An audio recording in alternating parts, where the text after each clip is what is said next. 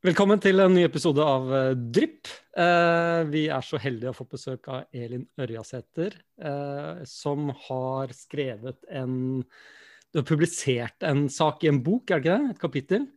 Det er en antologi. Det er en såkalt vitenskapelig artikkel. Hva som er vitenskapelig og hva som er journalistisk, det kan man jo lure på. Men dette er samfunnsvitenskap, som det heter. Ja, for dere har gjort en undersøkelse, oppsummerer funnene deres sånt nå, og det handler om hvordan norske ledere ser på IT-konsulenter, eller bruk av IT-konsulenter. Mm. Og det er jo et tema vi må snakke om, tenkte jeg. Ja, det, er det er kjempegøy. Eh, altså IT-bransjen i seg selv er jo veldig morsom. Jeg kom inn i den eh, av ren vannvare på slutten av 90-tallet. Eh, da jeg jobbet i Merkur Urval med å rekruttere også konsulenter til konsulenthus, men, eh, men også selvfølgelig vanlige fast ansatte. Og, eh, og, da var det jo helt vanvittig. Det mm. vokste himmels.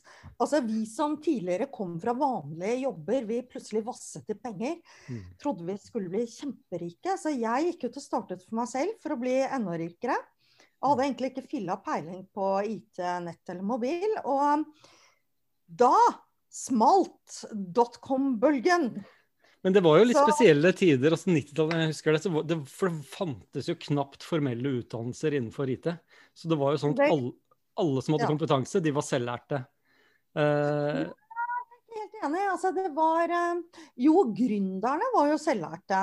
Mm. Og det, det husker jeg jo veldig godt. Altså sånn gründere som den ene dagen satt og sa at uh, de var gode for 40 millioner, gledet seg til å gå av med pensjon i en alder av 25 og begynne å studere filosofi. Den andre dagen så satt de på kontoret mitt og var desperate, mm. blakke. Selskapet var ikke verdt noen ting, og de hadde ikke sjans til å få jobb. Uh, men når jeg sier at jeg ikke er enig i at alle var selvlærte, så var det jo det var jo veldig mange som hadde sertifiseringer som de hadde fått i store selskaper. Mm.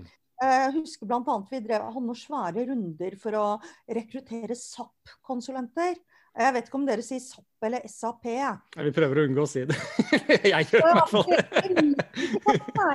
Nei, jeg, altså, den, gang, den, gangen på 90-tallet var det også veldig sånn for eller mot SAP. Mm. Men, men, det er klart at det var jo ikke selvlærte folk. Det var jo folk som kanskje hadde en eh, enkel enkel eh, teknisk eller økonomisk eh, utdanning i bånn. Og så hadde de lært mye internt i store selskaper. Mm. Eh, og, og, de tror jeg det gikk greit med under dotcom-bølgen òg. For de kunne jo faktisk noe som var bruk for. Mens jeg og partneren min i dette lille headhunter-selskapet, vi, vi, hadde ganske tungt. Mm. Ja, for, rekruttere, da. Ja. ja mm. for hele konsulentbransjen bunner jo i at det er, si, det er mangelvarer, det er et knapphetsgode, dette med kompetanse på, på IT. Og det var veldig, veldig tydelig eh, da, da, dette plutselig begynte å ta av, da, og, og nettet kom, og, og, alle begynte å skjønne at det her var en helt ny verden. Det var helt vilt. Det var jo telefoniselskaper òg. Det var da vi fikk en slags sammensmelting mm. mellom mobil, nett, liksom IT og telefoni. Eh, og det var, eh, var, jo enorme selskaper som plutselig skulle ha 300 mennesker i Norge. Og det skulle vi rekruttere for dem. Og så boff, så ble de borte. Nå husker jeg ikke hva de heter engang. jeg hadde et sånt et, jeg. det var ville tider. ja, det var gøy, da. Så, mm. så, for meg å skrive denne artikkelen sammen med Jarle Bastesen, min kollega, mm. det Eh, ble jo litt sånn back to the 90s. Eh, for jeg har ikke jobbet noe med IT siden da. Men det er klart, når det gjelder bemanningsstrategier, så er det jo noen uh, generelle prinsipper da, som man kan bruke i alle bransjer. Og jeg syns det var veldig gøy å gjøre de intervjurundene med Vi hadde intervjuet ledere i store foretak. Mm. Eh, både private og offentlige. Eh, og, og høre dem snakke om hvordan de opplevde liksom sondringen mellom fast ansatte og konsulenter. Og med konsulenter så mente vi da, eh, eller mente de, eh, stort sett ansatte sånne steder som Beck. Mm. Eh, eller andre selskaper. Men, men, det er jo også sånne Hva kaller dere det? Stand-alone-konsulenter? Altså sånne um, Og noen av de er jo skikkelig, skikkelig gode. Uh, som bare er seg selv og fakturerer en kjempehøy timepris. Og, og de, de, er jo uavhengige, ikke sant? Mm. Så når de gir et råd, så tror jo selskapet på det. Når en ansatt i et konsulentselskap gir et råd som da er innleid konsulent, eh, men ansatt i et konsulentselskap, så, så, frykter jo disse lederne ofte at det rådet egentlig handler om å gi konsulentselskapet totalt sett mye å gjøre. Mm. I mange år. Ja, for det, det er jo en, en, av de fryktene dere lister opp, er jo da dette Så frykten for å miste kontroll eller miste styring eh, fordi det er en Når man leier inn noen, så er, blir det jo en, en iboende interessekonflikt. Da. Man er jo ikke en del av selskapet. Man har kanskje Eller frykten er vel at man da har en annen agenda enn en, uh, selskapet har. Og det som var eh, interessant under skrivingen av denne artikkelen, var jo at da eh, rullet jo Aftenposten opp denne Akson-saken. Mm. Uh, og dere har sikkert ikke noen meninger om det, fordi at uh, næringslivsfolk har jo aldri meninger. For de er redd for at da sier de noe som noen kunder blir sure for. Men har dere noen meninger om Aksa? Jeg uh, jeg har i hvert fall mange ulike meninger om hvordan man kan drive IT-initiativer på ulike måter. Uh, mye av den debatten som har vært rundt uh, det, er jo like mye fra eh, folk som også jobber i konsulentbransjen uh, som andre. Så det er veldig mange meninger om den type, uh, den type prosjekter uh, i bransjen også. Det, det, er det ingen tvil om.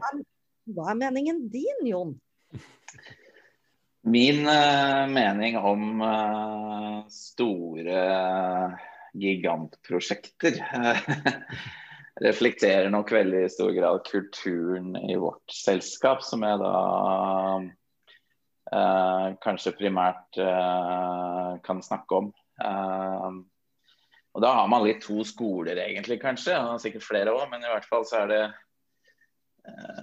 en del av de eksemplene da, som har vært uh, tatt opp uh, gjennom de siste årene, er jo ofte ting som er veldig stort, og som er startet med svære utredninger og lange forprosjekter, og dertil også høy grad av konsulentbruk i den forbindelse. Um, det, det, er nok den, den type prosjekter som rett og slett ikke jeg ville fått bekkerne til å jobbe på. Eh, uh, vi, vi, har nok en litt annen tilnærming, og, og, og som um, eh, hvor utgangspunktet vårt egentlig er å, å, starte så smått som mulig.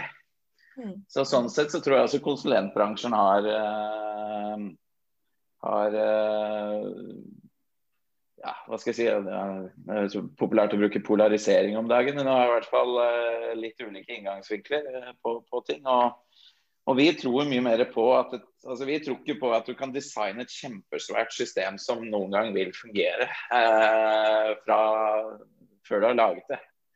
Mm, mm. Eh, vi, vi, tror på at du må designe systemet så lite som mulig.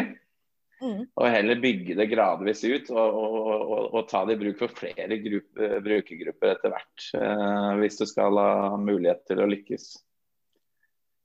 Jeg var i møte med en stor, en, en, en stor uh, offentlig aktør en gang som hadde fått 500-600 millioner i budsjett. Så det er ofte litt sånn at når du må gjennom de budsjettprosessene osv. som de offentlige er underlagt, så, så, må du liksom legge det opp for å få disse store. Det er sånn det fungerer. Men, mm. men vårt forslag var likevel litt sånn kanskje litt halvveis fleipete, men jeg sa kan vi ikke bare starte med fem utviklere og se hvor langt vi kommer, da. Ja. Eh, og det er, liksom, det, det er, jo en tilnærming som på en måte fungerer i det private, men som da det offentlige må på en måte finne en måte å, å komme og, og hanskes med. Da. En sånn type smidig tilnærming som, som vi har mye mer tro på eh, generelt. Um, det, jo, det handler jo om hvordan kunden er rigget internt, egentlig. Mm. Eh, men har dere mye offentlige kunder, eller har dere mest private kunder? Jeg burde jo selvfølgelig researchet hvem dere er i dag, det rakk jeg ikke. Men, uh... vi, vi, har ca. halvparten uh, offentlige, halvparten private. Av, uh, de aller fleste kundene våre er nokså store norske virksomheter i norsk sammenheng. Ja. Så, så, vi har god, god erfaringsbase med det. men det er klart, eh, Vi driver jo primært med skreddersydd systemutvikling, og ikke så mye sånne store pakkeløsninger og sånne ting. eller ikke helt tatt egentlig, Så det er litt forskjellige verdener, det også. så Jeg tror man må ha litt sånn jeg, jeg synes Når man ser litt på de debattene som går, at man må være, tenke litt sånn nyansert på at det her er, det er jo litt forskjell på um, det er, jo forskjell på systemutvikling og tilpasning og ulike måter å løse ting på med hyllevare eller ikke osv. Det, det må man jo kanskje være jeg å si, i bransjen for å liksom, se de forskjellene. Uh, det, men det tror jeg er viktig å huske på i de debattene her. Da, det, jeg syns ofte det blir litt lite, litt lite nyansert, kanskje, sånn sett. At, man, uh, at et IT-system kan lages på mange forskjellige måter. Mm det med hyllevare er jo et begrep som er interessant. Fordi um, jeg har jo prøvd å starte ting selv et utgang ganger uten at jeg får det til. Men, um, men jeg ser jo at hyllevare utvikler seg jo veldig, ikke sant?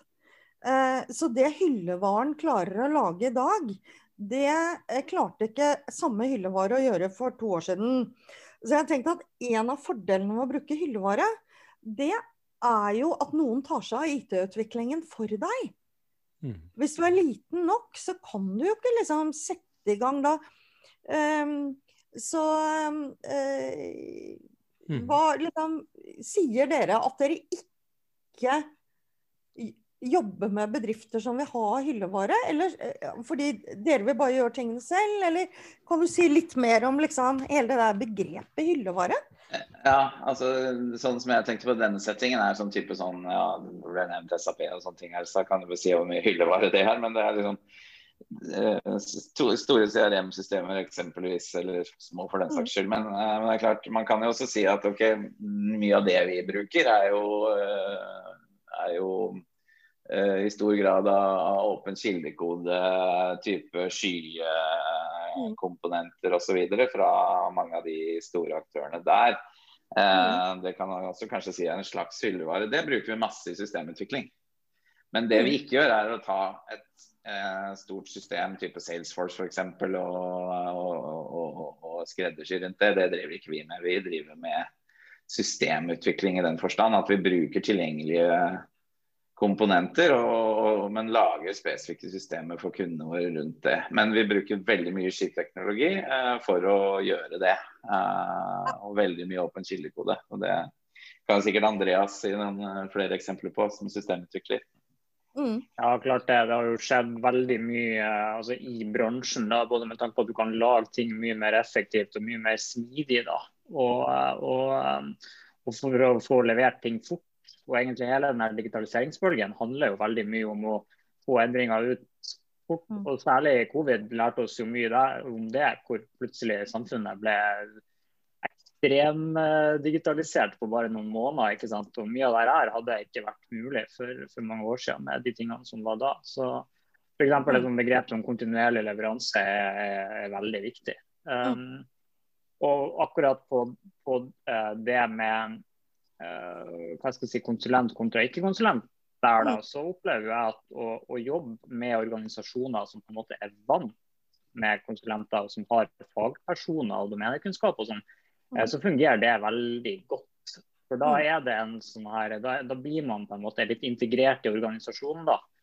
Mm. Og, og man, man, får sparra på en fin og ordentlig måte. og det Særlig en del offentlige plasser er jo veldig vant til dette da, gjennom anbudsprosesser og sånn.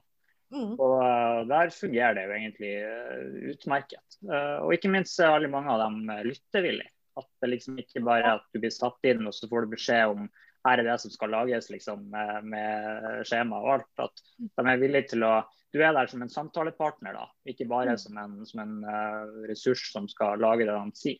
Og det mm. er jo litt sånn som vi liker å jobbe i Vekta. Og det er jo mener jeg egentlig et, et, et suksesskriterium for å få det til. Mm. Altså, De vi snakket med, de var jo veldig De satte jo konsulentene sine veldig høyt. Eh, fordi de opplevde at de fikk en veldig høy kompetanse akkurat idet de trengte det. Um, så det vi prøv, eh, prøvde å gjøre, var liksom å koble teorier om dette her med når man skal få folk inn og ut, med akkurat kompetanseaspektet.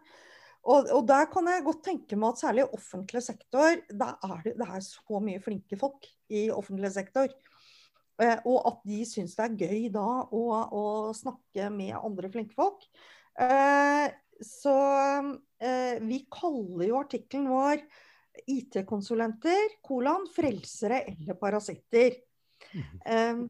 Og det er noe med at jo mer frelser dere blir, jo reddere blir kunden for at dere ender opp som en parasitt. Mm. Eh, og en parasitt er at kunden blir sittende med et system eh, som stadig må på en måte Eh, eh, ikke Altså eh, om det er programmere man stadig må gjøre, eller hva man stadig må gjøre, det vet ikke jeg.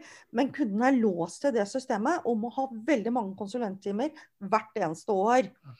Det minner meg litt om en venninne av meg som hadde gjort sånn Hva heter det? Sånn brystløft for å få liksom veldig flott frontparti.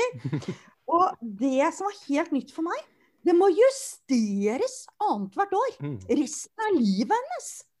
Mm. Altså, Vedlikehold. Mm. hun hadde brukt over en million på dette.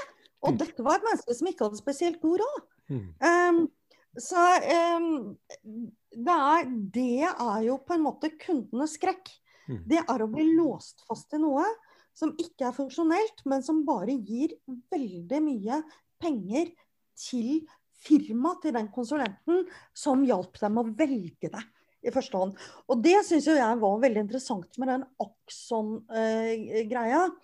det var jo at det var samme aktør, PwC, som hadde lagt premissene i konkurransegrunnlaget. Eh, og så var det da seks dagers frist på å levere inn, liksom. Eh, og så fikk de det. Og så mm. var det enormt mange timer. Det, eh, så, mm. for Vi snakket jo litt om det. så Mye av, mye av konsulent, altså konsulentvalget kontra å mm. ansette noen er også påvirket av om en selskap eller en virksomhet er underlagt anskaffelsesregelverket. Ja. Mm. Så, og, og, også hvordan eh, Eller anskaffelsesregelverket. Så, så, jeg vet ikke om du kan si noe om det? Hvordan, hvordan slår det ut? Nei, vi så ikke på det i det hele tatt. Um, for det har noe med jeg, det, det, er ikke tvil om at, at det er superrelevant. Mm. Selvfølgelig liksom, hvilke terskelverdier gjelder, og, og, hvilke kriterier Hvordan skal du gjøre en anbudsprosess for å ikke bryte eh, EØS-regler? Mm. Så dette er et svært tema, og det, det har jeg tenkt selv å gå inn på den vinklingen. men i neste runde? Nei, det vi så på som vi syntes var interessant, det var jo da å se i relasjon til de fast ansatte. Hvorfor ansetter du ikke fast? Eh, og da er vi også inne på jussen. For det har med stillingsvern å gjøre. Mm.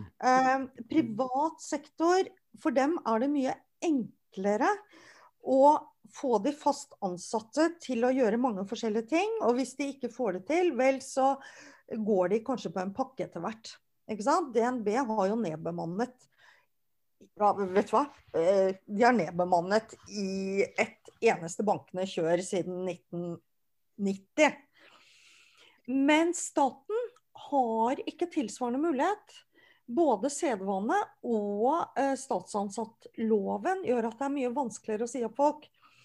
Og det betyr at man i større grad spesialsyr oppgavene etter den enkeltes personlighet, mm. tror jeg. Og, så staten får jo inn noe konsulentbruk pga. det òg. At de mm. rett og slett eh, eh, De kan ikke herje sånn med sine fast ansatte som det du kan gjøre i privat sektor.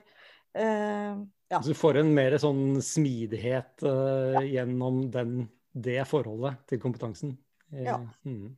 Jeg nevnte den. Da, da, er du litt inne på, um, på, på, på, noen av fordelene du også, dere trekker frem. Eller kundene ja. Hva kaller det kundene, men det, det, er, det, er, noen av kundene våre antagelig dere òg. Men altså det er noen av de eh, respondentene deres har, har trukket frem i forhold til dette med spisskompetanse, rask og fleksibilitet osv. Det er jo på en måte kjente argumenter for, uh, for bruk av, konsulenter. Uh, sånn sett. Og så syns jeg også den debatten om konsulent eller ikke blir også litt lite unyansert igjen. fordi uh, Sånn som jeg ser det, så er det en kjempefordel om, om både store virksomheter i offentlig sektor og privat sektor er flinke til å ansette dyktige mennesker. Altså Som konsulent og leverandør til disse eh, kundene, så er det utrolig viktig for oss at det, de, eh, de, er dyktige.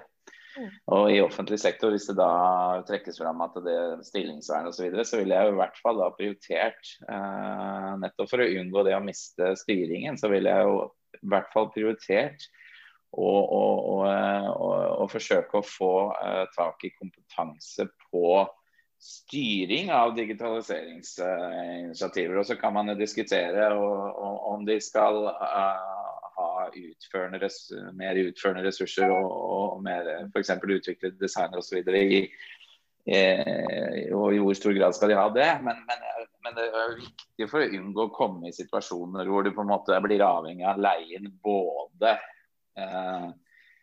på hva skal jeg si, styring og på utførelse. Eh, at man har den, eh, den kompetansen in-house på, på, på, på, digitalisering og styring av digitaliseringsinitiativer. Og Det er det jo noen av kundene våre også i offentlig sektor som er blitt veldig flinke på.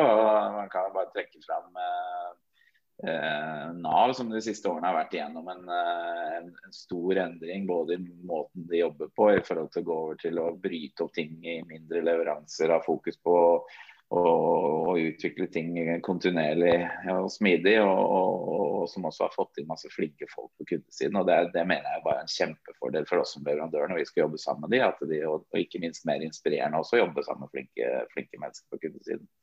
Så. Offentlig sektor i Norge generelt er jo superspennende.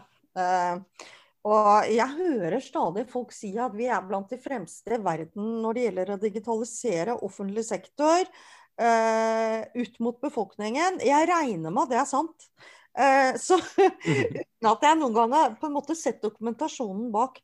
Med Nav, du har Lånekassen, du får nå dette Akson-systemet når det blir ferdig en gang. Eh, altså Helse- og omsorgssektoren er jo katastrofalt eh, bakpå foreløpig. Eh, jeg skrev for 15 år siden en sak i A-magasinet. Da ble moren min lagt inn på sykehus. At hun burde, akkurat som en Sankt Bernhardshund, så burde hun hatt en sånn kagge rundt halsen. Men der burde det ikke vært brennevin, der burde journalen hennes vært. Mm. Fordi hun fortalte jo sykdomshistorien sin 15 ganger. Og dama holdt på å dø av hjertesvikt, og da er det veldig slitsomt å huske å fortelle de samme tingene 15 ganger. Så det er jo akkurat det Akson skal løse, da. Mm. Eh, så vi får se. Når det gjelder flinke IT-ledere i staten, så er det klart at vi får vel ofte et lønnsproblem. Mm. Eh, hvis du kan jobbe et par millioner, eh, tjene et par millioner i året som konsulent, eller enda mer, hvorfor skal du da gå over på en statslønn som, hvor til og med kollegene syns du tjener uforskammet mye? Vi har uh, snakket en del om uh, altså, mye, av, mye av utfordringen her er i si, brytningen mellom, mellom, hva konsulentselskapene gjør og deres kompetanse, og de interne mm. Hvordan man er rigget, hvordan man styrer kompetanse i ledelsen eh, hos, hos, brukerne, eh, eller, eller, kundene, til, til konsulentselskapene. Mm. Jeg lurer på om vi skal fortsette det i en episode til, for nå har vi Lytterne våre er vant til veldig korte episoder, så vi, tar, vi bare fortsetter. Før vi avslutter. ja. De som er interessert i å lese artikkelen, de googler 'frelsere' eller 'parasitter'. Ørjasæter uten H og Bastesen. Den fins i en kort versjon på nett, som da lenker til den egentlige lange versjonen på ca. 22 sider. Mm. Og dere har lagt ut hele kapitlet, så jeg. Det er jo kjempebra. Ja, det, ja, det har noen sider, det òg. Open source-politikken. Det kan vi snakke om en annen gang. Men alt ligger åpent på nett, ja. Mm. Kjempebra.